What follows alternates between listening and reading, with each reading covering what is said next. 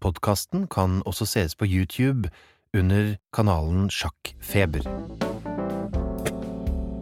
Sjakkfeber. En podkast om sjakk. Da er det min glede å ønske dere velkommen til eh, episode to av Sjakkfeber. En sjakkpodkast for deg som blir varm om hjertet når du hører eh, dronningoffer og springergaffel. Torbjørn, hjertelig velkommen. Du er med oss igjen, Tusen takk. fordi nå skal det handle om VM. Ja. Ja. Og det er jo ikke tilfeldig at du er her. Du er den første treneren som Magnus hadde da han begynte sin spede sjakkarriere.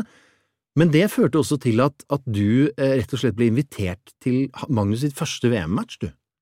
Ja, det ble jeg. Det, den første VM-matchen som han spilte i India i Ja. 2013, da tok familien og Magnus tok også inviterte en del av de som hadde betydd litt ekstra da, for Magnus i hans vei Ja. mot den eh, VM-tittelen, da. Så fantastisk hyggelig. Ja, det var kjempehyggelig. Veldig, Så jeg, det var, måtte jeg selvfølgelig si ja til, og Ja. det var utrolig gøy å bare være der som en uh, gjest og bare For se du, på mora. Du satt ikke med analyser da. Nei, nei, det er bare 100 koste jeg meg. Så herlig.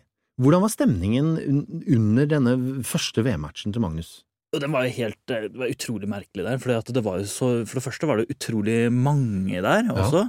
Så det var og så mange som ville ha intervjuer i resepsjonen og liksom få vite lite grann. Til og med utafor hotellrommet til Magnus så sto det en væpna vakt hele tiden. Ja.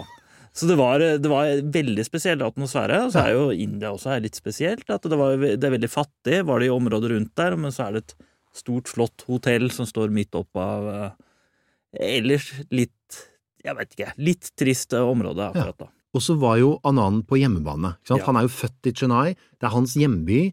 Det var hans første eh, eh, offisielle VM-match eh, på hjemmebane. Ja. Hvordan preget det han? Det, jeg er litt usikker på hvordan det prega han der, men det er jo fordeler og ulemper med det. Mm. At man på en måte får jo ekstra støtte, og man er jo vant til maten, og det er jo sånne fordeler. Mm. Men det er mulig også man føler det et ekstra press, da. Og det har vi også sett litt sånn med Magnus Ja. når han har spilt på hjemmebane, at han Nettopp. av og til har slitt litt der. Han sliter med, med ståket og viraket og oppmerksomheten. Han liker jo tydeligvis best å holde seg litt sånn for seg selv, og, og virkelig klare å forberede seg til partiene. Og det er lettere når du spiller på bortebane. Ja, Sjakkspillere de liker ofte også bare å gå inn i en sånn boble, nærmest, som man kaller det. Ja. Hvor det er liksom kun sjakk som gjelder. Alt bare handler om det partiet man skal spille, forberedelser og hva man gjør etterpå. Og hvis man da plutselig har kompiser hengende rundt seg, eller at man Kjærester eller kjærester, barn, eller, eller- bare At man kommer liksom aldri inn i den bobla, Ja. da kan det være litt vanskelig. Ja. lyrikeren André Bjerke, som nå er død for en stund siden, eh, og som var en ivrig sjakkspiller, skrev en helt fantastisk eh, liten sonette om akkurat denne sjakkbobla. Eh, han skrev at han ble besatt når sjakksesongen var over han. Eh, helt utrolig gøy. Um, og han forlater barn og kone og Viv for å rett og slett dykke inn i dette vanvittige spillet, som han sammenlignet med en thriller, altså en, en, en, en horrorfilm, hvor målet var å, å drepe kongen, og han selv var morderen. Helt herlig. Ja, ja, men jeg kjenner det litt igjen. At det, Ja, ja. et sjakkparti, det går jo Det kan føles som man sitter der i tre minutter, men så kan det gå tre timer. Og så gikk det jo bra i India. Han vant. Han vant. Hvordan var stemningen? Var du der når han vant? Jeg var ikke der når han vant. Jeg, jeg syns egentlig de sjakk-VM-matchene også er utrolig spennende i starten. Ja. For da ser man på en måte resultatene, alle forberedelser og nerven, og ingen har tatt ledelsen og sånn. Så jeg var der første halvdel. Mm. Eh, og det var utrolig gøy. Ja. Jeg fikk ikke sett noen av vinstpartiene, men jeg syns det var utrolig spennende. for det. Ja. Og så eh, gikk det jo eh, ikke så lang tid før Magnus igjen måtte forsvare tittelen. Av en eller annen grunn så bestemte de seg for å gå over til eh, hva blir det, partallsår istedenfor oddetallsår. Det skal Ja. være VM, så da ble det plutselig VM to år på rad. Det var litt sånn med vinter-OL i Albertville, og så Ja, plutselig Lillehammer. Ja. Så da ble det Sotsji, Ja. og til alles enorme overraskelse så klarte tigeren fra Madras b- b- Han ble, han ble, ble kjent som mer madrass enn tiger av en norsk sportsjournalist etter kampen i Chennai, men denne madrassen, Vishyanan, klarte altså å finne tigeren i seg selv igjen, og kvalifiserte seg til å møte Magnus enda en gang. Ja, han overraska hele verden med å slå tilbake, men ja. mange trodde han var Begynte å spørre han om eh, det var på tide å legge opp og sånne ting, men han viste virkelig at eh, han slo tilbake. Ja. Og den matchen ble jevnere enn den første. Ja, da, ja, det ble den. Ja. Uh, Den var jo tøffere. Tenker jeg, Da gikk vel også, hvis jeg husker riktig, da gikk vel også Magnus på etape underveis i det partiet der. Var, Det gikk på en smell eh, med en uh, åpningsforberedelse. Og det, det var første gang han har opplevd det, da, å tape et parti i en VM-match. Ikke sant? Fordi første matchen i India så vant ikke Vishy et eneste parti, Nei. Mens i Sotsji så vant han plutselig, og da var det ganske spennende. Da måtte Magnus vinne tilbake. Ja, ja. Men det klarte han. Ja. Han vant eh, 6,5, 4,5. Og så ble det New York i 2016. Og der var du igjen. Der var jeg igjen. Da jeg måtte ta turen dit også. Ja. Det, så da dro jeg på kjærestetur til New York, og så følge, følge med på sjakk, sjakk-VM. Ja, og hva, hva er bedre, liksom? Du får Ja. verdens mest fantastiske storby og verdens mest fantastiske spill samme sted. Ja. ja. Herlig. Ja, det var, så det var gøy, men også der fikk jeg ikke se Magnus eh, vinne et parti. Da. Jeg fikk faktisk se han tape eh, et parti. Du var der, Var, i det skjebnesvangre partiet? ja, jeg var jo der. Jeg satt partiet? i salen eh, når Magnus ikke deltok i pressekonferansen. Han løp ut rasende. Ja, jeg så det, så akkurat det var jo et utrolig øyeblikk, det der, da. Og så må vi, vi må bare spole litt tilbake, fordi grunnen til at Magnus taper det partiet, mange mener, er at Karjakins strategi, den russiske strategien, var å spille så defensivt og kjedelig, og, men sikkert og trygt, at Magnus ikke fikk en eneste sjanse til å prøve å vinne. Altså, og dette klarte jo Karjakin i, i seks partier på rad. Han klarte det. Magnus hadde sjanser underveis, så Ja. hadde han ikke gripet dem. Og det var eh, akkurat som Kar- Karjaken bare satt og så bare forsvarte seg og forsvarte seg og forsvarte seg. Så jeg tror en av de tingene som eh, ødela litt for Magnus der, det var at han rett og slett tenkte at han kunne gjøre hva som helst også. Ja. At er, muligheten for å tape eksisterer ikke. For her er, her er det jo bare en fyr som sitter og forsvarer seg hele tiden. Ja. Men eh, når Magnus tøyde strikken for langt der, da grep jeg han sjansen. Så han gikk nesten i fella til russerne. Ja, han gjorde faktisk det. Ja.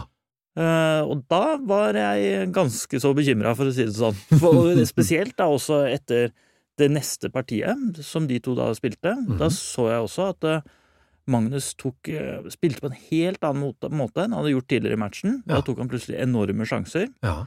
Og hvis det hadde gått Der kunne det også fort ha gått gærent i det, i det påfølgende partiet. Mm. Men det gjorde det heldigvis ikke. Det klarte han å redde. Ja. Og så klarer han jo å utligne til 6-6. Det blir uavgjort etter de eh, ordinære partiene, og så blir det omspill. Ja. Og der eh, var det da Karjakin som antageligvis gjorde en eh, blemme, for han satt jo da på fridagen og lurte på hvilke åpninger man skal spille hurtigsjakk og lynsjakk, så han satt og forberedte seg til det. Men hva gjorde Magnus? Magnus han bare slappa av, og han hadde jo og han var jo virkelig på vei oppover, for han hadde akkurat utligna matchen og kjempeoptimist, og så skal han nå Så det var en helt annen posisjon plutselig, har snudd helt om. Nettopp. Og jeg leste til og med at Magnus før Magnus hadde jo hvit i siste parti. Eh, han kunne ha presset for å vinne det siste partiet istedenfor å bare spille remis, men han fortalte Petter Ein Nilsen at vet du hva, drit i å forberede noen varianter og åpninger. Vi tar fri, vi slapper av, jeg styrer det siste hvitpartiet mitt inn til remis, og så tar vi hurtigsjakk og lynsjakk. Så han, eh, han Det var lurt. Det var Da fikk han på en måte en ekstra, ekstra hviledag, Ja. mens Karjakin da hadde måtte sitte og forberede seg til det partiet òg. Med 16 russiske sekundanter. Jeg som- trodde jo faktisk Magnus skulle spille på vinst i det partiet, så jeg også blei litt lurt der. um, så det, men det var jo en uh, genistrek. Det var det. I etterpåskap, kolokskapens lys. Eh, og så vinner Magnus hurtigsjakken. Han avslutter med kanskje tidenes vakreste eh, sjakkombinasjon, sjakktrekk, i en VM-kamp. Ja, det vil jeg si. Det var helt spesielt siste partiet, og så uh, Jeg tror det var mange som lurte litt sånn hva er det Magnus driver med nå? Nå kommer det plutselig et motangrep her. Ja.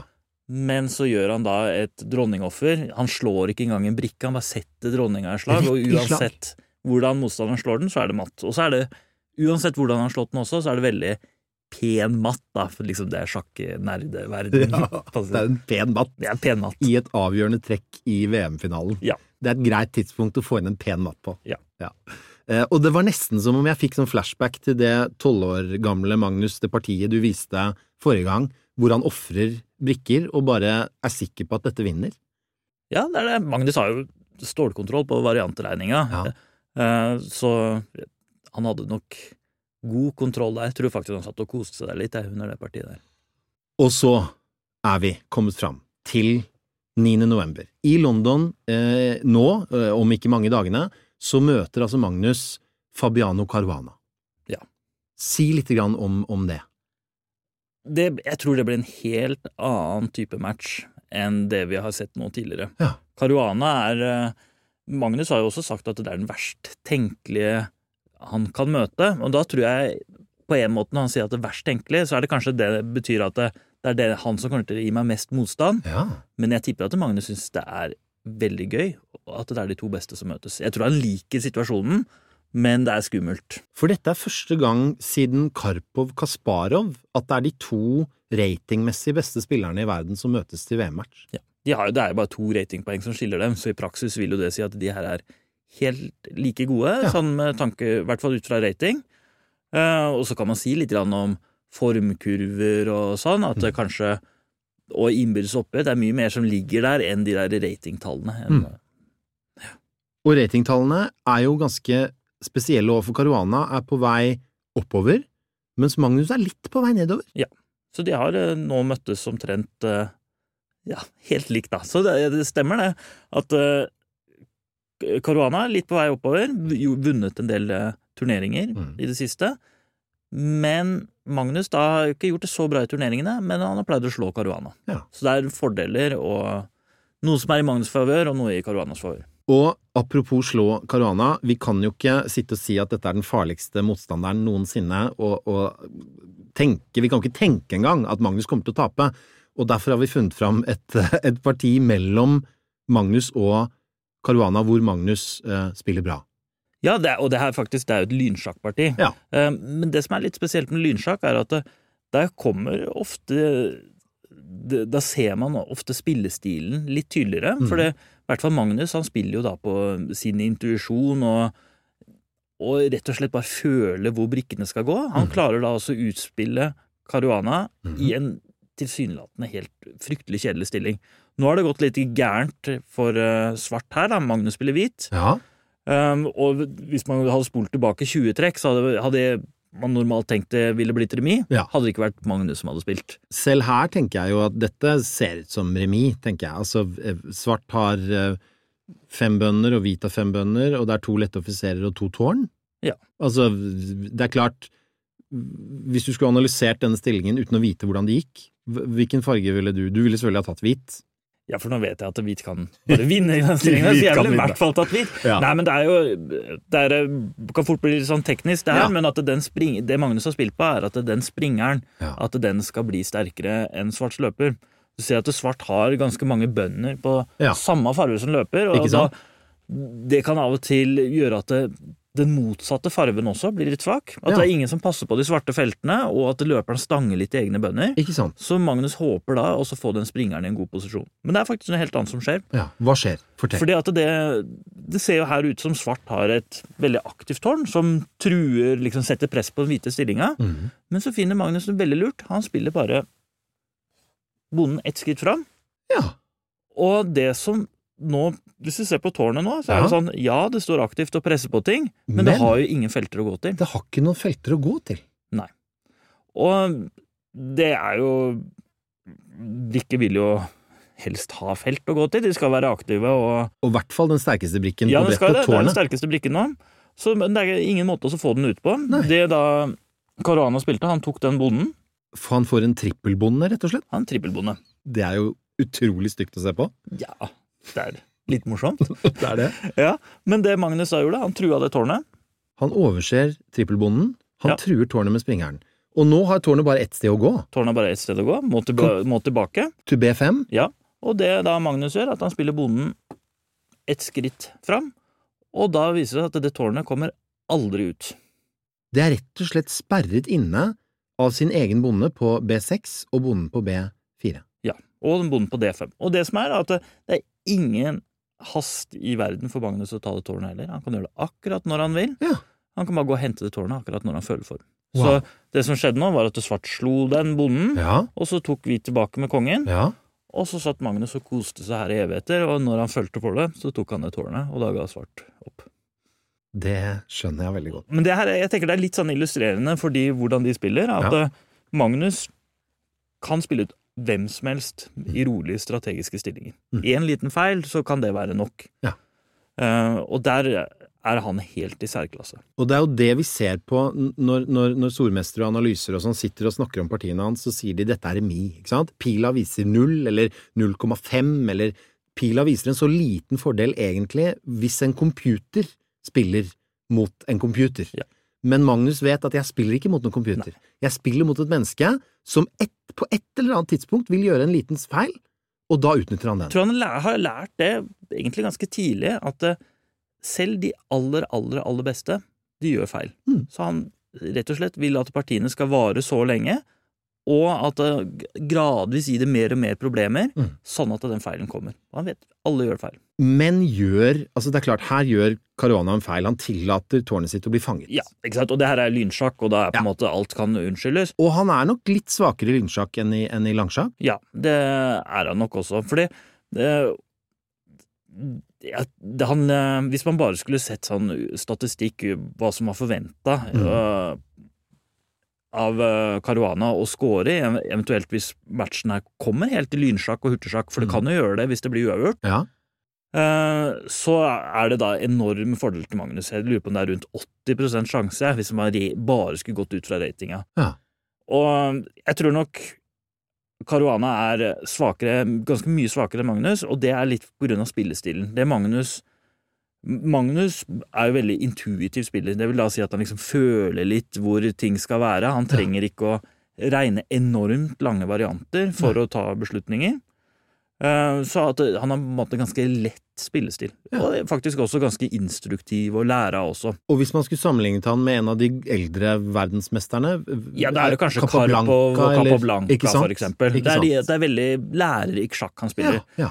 Eh, mens eh, Caruana, han er utrolig regnebasert. Uh, regnebasert Og når du sier regnebasert, hva handler det om? Han, han tar ikke noen sånn lette avgjørelser. Nei. Han kommer fort i tidsnød, for eksempel. Ja, Fordi at han bruker veldig mye tid på å faktisk regne alt til bunns. og jeg har hørt noen si at, at det, det kan lønne seg å prøve å tenke som et tre når du tenker på sjakk. Ja, det? At det kan være sånne varianttre, at, man, at det fort kan bli sånn forgreninger utover i alle veier. Hvis du gjør det, så gjør jeg det, men da kan du også gjøre det, så da kommer det en ny gren. Ja. Sånn sitter Caruana og Ja, ikke sant? Og han, det er nesten sånn Nesten alle avgjørelser han tar, er basert ut fra de varianttrærne, da. Ja. Ikke sant? Regner, regner, regner. Ja. Og det er jo veldig skummelt for uh, motstanderen, at rett og slett han ser så mye at eh, han finner noe genialt. Men det kan også være litt upraktisk eh, at han bruker mye tid, og spesielt i lynsjakk og hurtigsjakk så er det jo ikke mulig å sitte og regne alt til bånns. Man har ikke tid til det. Og da er Magnus sin spillestil mye, spillestil mye For hvis man da skal bruke en tremetafor om Magnus òg, så Magnus tenker ikke som et tre, han rett og slett hugger tre. Ja. Han hugger ved. Og det som jeg, jeg tror er at Magnus kan regne så langt som Caruana, Ja. Men han bare gjør det ikke. Han trenger det ikke. Han trenger det ikke. Han han- tar litt sånn annen måte å bestemme seg på. Og han finner ofte, dette har jeg lest også, han finner jo ofte eh, det første trekket han kommer på eller ser som en mulighet i stillingen, er ofte det trekket han velger. Ja, det er det. Og det, er, det gjelder veldig mange, og så har han en sånn ekstra god føl følelse for det, da, som Ja. andre ikke har. Ja. Uh, og, så det, det er eh, Hvis han bare kan få en sånn litt rolig stilling, hvor han kan sitte og jobbe med sin intuitive stil og Mm. bygge sånne små fordeler oppå hverandre, så er det en kjempefarlig situasjon for Caruana. Så det Tror du det blir eh, like mange remier som, som det vanligvis ble? Altså, Karjakin satt jo der og forsvarte seg til det kjedsommelige. Jeg tror ikke vi får en sånn match nå, eh, fordi det, det som er på en måte likheten da, mellom Caruana og Magnus, det er at det, begge to har, har veldig lyst til å vinne Mm. hvert eneste parti, Mm. og de tror på egne ferdigheter også. Og de vet at de kan utspille motstanderen om de får sin stillingstype. Ja. Og jeg tror at vi kommer til å få da partier hvor eh, eh, for Først er det kanskje Magnus som svetter litt, og så er det Caruana. At det blir sånn bølger fram og tilbake. Mm. Eh, Så jeg skulle ikke forundre meg om vi vil se seire til begge, begge spillerne, og kanskje flere også. Så jeg tror vi fort kan få mye action da, i den matchen der. Så uh, utrolig spennende. Jeg gleder meg som et barn, merker jeg. Jeg har leid meg en leilighet to minutter unna der det skal spilles, og være der en langhelg i London. Eh, The College i Holborn, det er et gammelt universitet som er lagt ned eh, fra viktoriansk tid, som brukes til filminnspillinger og eventer og sånn. Så det blir utrolig spennende å se hva Fide og, og World Chess, Agon, eh, får til rent sånn lokasjonsmessig med det, med det stedet. Ja. Det kommer til å bli kjempegøy. Skal du til London? Jeg skal ikke til London. Jeg skal, eh, jeg skal være på The Good Night. Du skal være på puben, Jeg skal være, være der med kommentere partier. jeg skal, Ja, vi skal ha kommentering av partier, og vi skal ha action som skjer der hele tiden. Så det jeg skal, jeg skal kommentere og spille simultaner og gjøre alt som er gøy. Så hvis man blir lei gøy. av Torstein Bahs nasale stemme, eller Simen Agdesteins eh, eh, eh, blindsoner og blindveier og, og, og omveier til mål, så kan man gå på pub og Da få kan man gjøre det, men hvis man eh, er, ikke er lei de, så kan man også gå ned dit, fordi at vi kommer til å sende partiene med deres kommentarer Dere, også. du får både det Torstein, Siven og deg. Ja. Vet du hva, jeg gleder meg ehm, som en uh, sjakknerd jeg er. Jeg tenker at hvis hvis det noen gang skal bli eh, eh, Hvis Magnus noen gang skal tape, da, så tenker jeg at det hadde vært litt gøy hvis han tapte nå. Misforstå meg rett, det blir ikke nå- gøy hvis han taper. Dette må vi, dette må vi slette. Men, men hvis han taper nå, så tenker jeg da får han motivasjonen til å fortsette, til å, til å jobbe, til å vinne tilbake. Ja, Tror du ikke det? jo, det kan godt hende, men den motivasjonen kan han få om to år også. Så jeg tenker det er bedre å vente. Du tenker det er bedre å vente. Ja, ja, det er bedre. Vi må jo, det er jo så gøy med å ha Magnus som verdensmester, så jeg Det det. håper det fortsetter. Selv om man kan si veldig mye positivt om Caruana også. Det er en veldig fin fyr, Ja. og veldig en eksepsjonell sterk sjakkspiller. Ja. Men uh, selvfølgelig er Magnus uh, Vi må heie på Magnus. Vi må heie på Magnus, og vi må jo prøve å få VM til Oslo eller Norge en gang. Ja, det er eh, Og det går ikke hvis ikke Magnus vinner. Nei, så der han er, Det er helt klart hva han må gjøre. Ja, så da kan vi ikke lage en date om at vi setter oss ned her om to års tid, og så snakker vi om VM i Oslo, som kommer om et par uker. Jo. Men før det, altså, VM i London 9. til 28. november. To partier og så én hviledag, to partier, én hviledag. Partiene starter klokka fire. Perfekt Partiene etter jobb. starter klokka fire, klokka tre engelsk tid. Det er litt sånn morsomt med den tidsforskjellen. Er det tidsforskjell nå? Ja. Ja, Det, jeg tror det. det finner vi ut. Ja. Vi tror det. Vi, vi, er ikke, vi er ikke klokkeeksperter, vi er sjakkeksperter. Vi satser på at det blir noen fantastiske uker med sjakk. Um, takk igjen for at du kom, og uh, vi snakkes. Takk. Takk for at du har lyttet på Sjakkfeber. Denne podkasten er spilt inn hos Nitro med tekniker Christian Bjørge bak spakene.